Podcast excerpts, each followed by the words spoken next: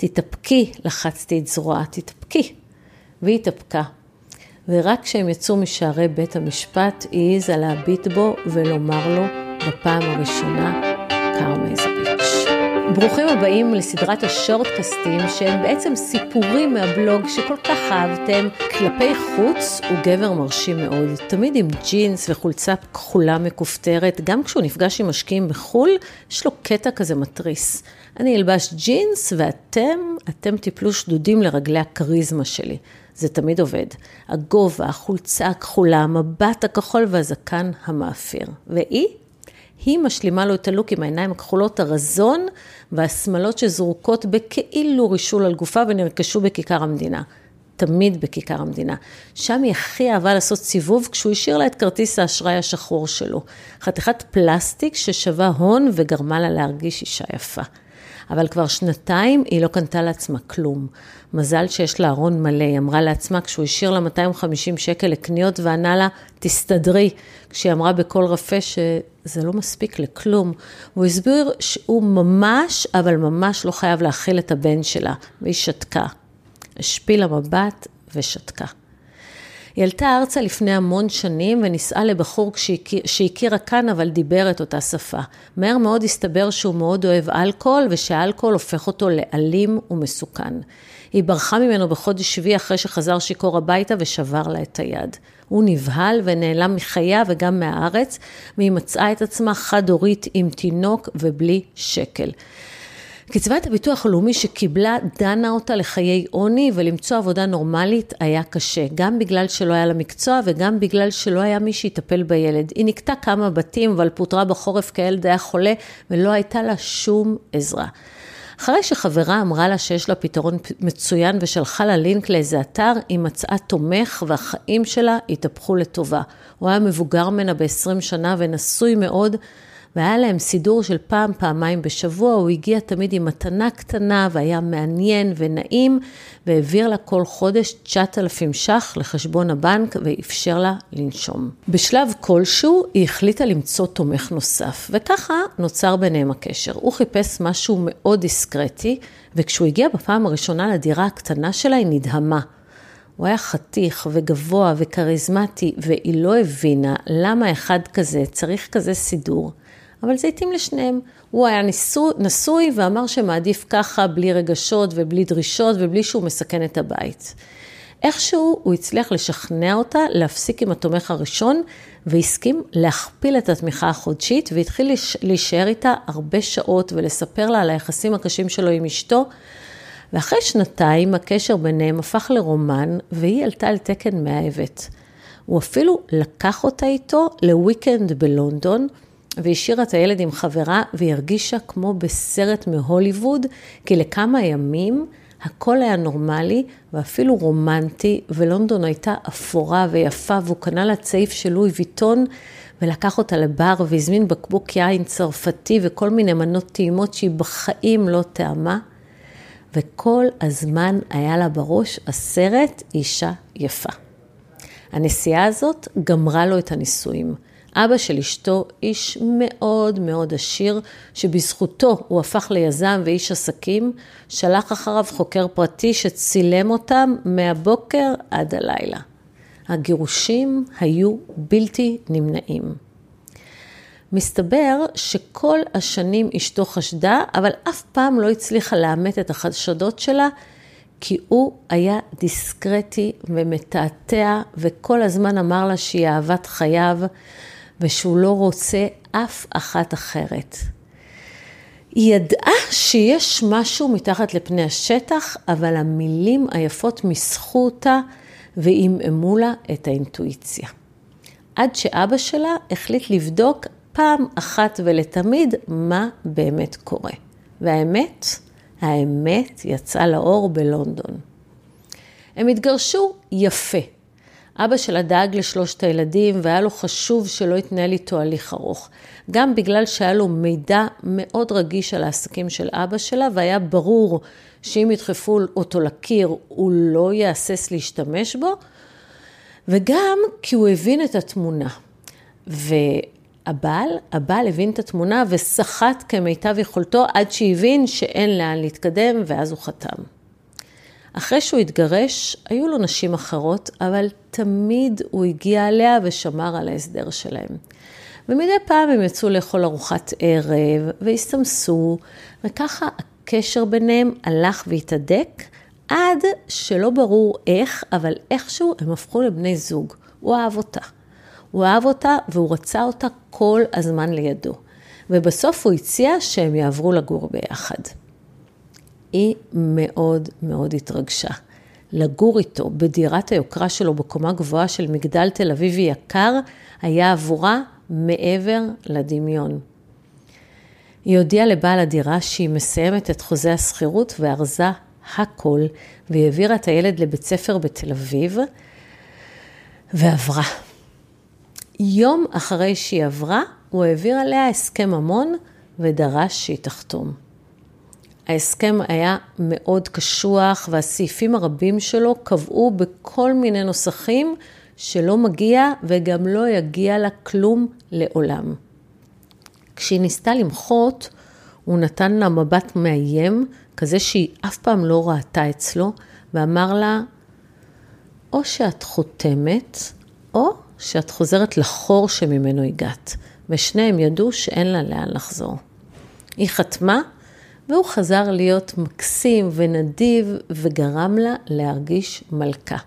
כסף הוא לא נתן לה, אבל הוא אפשר לה לעשות שימוש בכרטיס האשראי שלו, והיא התחילה להתרגל לחיים בחוג הסילון, קניות בכיכר המדינה, טיסות לחו"ל, מסאז'ים, בגדי מעצבים לילד שלה, ובעיקר, בעיקר, רוגע כלכלי והרגשה שהיא לא לבד בעולם. אחרי איזה חצי שנה הם רבו כי היא לא הייתה בבית בדיוק כשהוא היה צריך לקבל איזו מעטפה. והוא השתולל. פעם ראשונה שהיא ראתה אותו ככה. אדום, צורח, מעיף כריות, מקלל אותה. היא קפאה במקום ולא זזה. מאז, ולמרות שהיא הקפידה להיות שם תמיד, כאילו נשבר איזה מחסום בלתי נראה. הגבול הזה, כשנפרץ, כשאחד מבני הזוג מאפשר לעצמו להשתלח באחר ולהיות אלים כלפיו, ולא קורה כלום, מזמין אחריו עוד ועוד ועוד התקפים כאלה. הוא לא הפך להיות אלים, היה בו תמיד צד אלים, וככל שהזמן חלף, הוא הרשה לעצמו יותר ויותר. האלימות שלו התפשטה כמו מחלה ממארת ושלחה זרועות של אלימות רגשית ואלימות כלכלית ואלימות פיזית וגם אלימות מינית, ואני אחסוך מכם כאן את התיאורים. לזוועתה, היא גילתה שהוא התחיל לפתח שנאה גם לבן שלה, שהלך וצמצם את עצמו והלך ונכבה. ועם זה היא לא השלימה, והיא הגנה עליו וחטפה יותר צעקות והשפלות. את המשפט, את כלום ושום דבר, את אפס מאופס, היא שמעה כמעט כל יום, וגם הילד שלה שמע. ולמרות שהוא היה ילד מאוד צעיר, הוא ידע איכשהו שהיא כלואה שם. והיא לא ענתה לו בכלל, ובלב היא אמרה לעצמה, קרמה איזה ביץ'.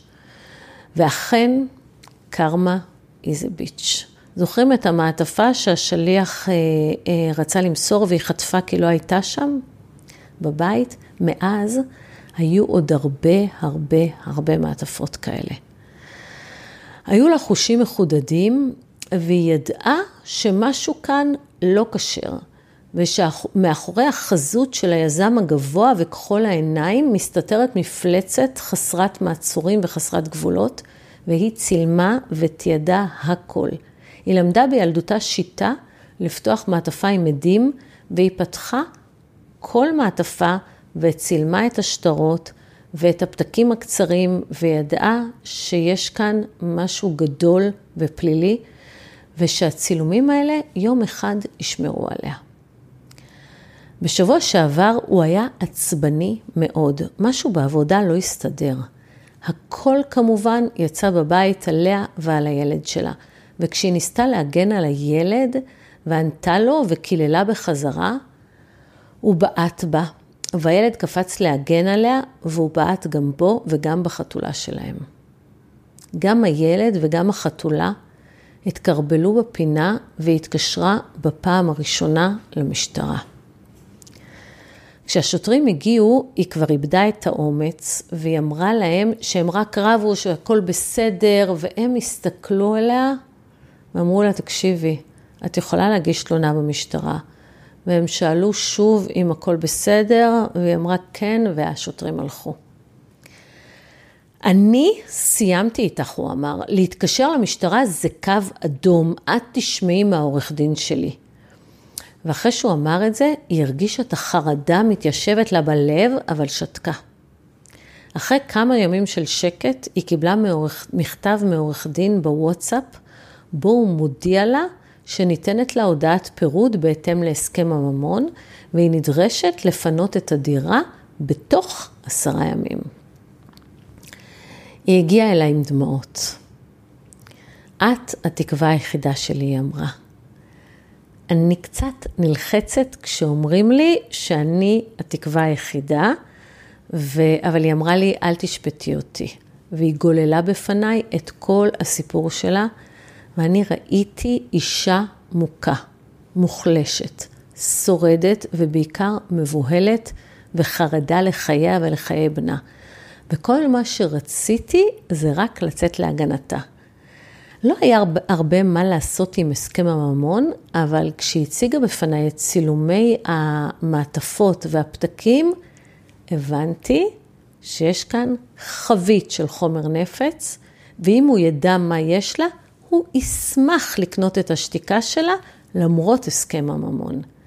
ניסחתי מכתב לעורך הדין אה, אה, שלו, שמקב... שהיא אומרת שהיא מקבלת את הודעת הפירוד לפי הסכם הממון מצד אחד, ומצד שני הודעתי לו שאין בכוונתה לעזוב את הדירה בתוך עשרה ימים, שאומנם מוסכם, כי אומנם ההסכם הוא ביניהם, אבל הבן שלה לא חתום על ההסכם, והוא זקוק לקורת גג מעל ראשו. בנוסף ציינתי שהוא מתבקש לחדול מלנקוט באלימות הן כלפיה והן כלפי הבן שלה והן כלפי בעלי חיים, שכן אם ישוב ויעשה כן, המלצתי לה לפנות לעזרת המשטרה ולהציג בפניהם גם את, התנהגות, את התנהגותו האלימה וגם חומרים נוספים שיש בידה וקשורים לפרויקט שאין לומר את שמו. על כל פנים, כך סיימתי את המכתב אנחנו מציעים להגיע להסכם הוגן ולהימנע מהתנהלות משפטית מזיקה ומיותרת. הוא הבין היטב ונבהל. עוד באותו יום הוא סימש לה שהוא רוצה לדבר, אמר שלא התכוון לתת לה ללכת בלי, כולו, בלי כלום, והציע לה הסכם שהיא לא יכולה לסרב לו. השבוע ההסכם נחתם וגם אושר בבית המשפט. תתאפקי, לחצתי את זרועה, תתאפקי. והיא התאפקה. ורק כשהם יצאו משערי בית המשפט, היא העיזה להביט בו ולומר לו בפעם הראשונה, קרמה איזה ביץ'. תודה שהאזנתם לשורטקאסט, אם מצאתם ערך או סתם היה לכם ממש מעניין, אני אשמח אם תעבירו אותו למישהו שיהנה ממנו גם. תודה.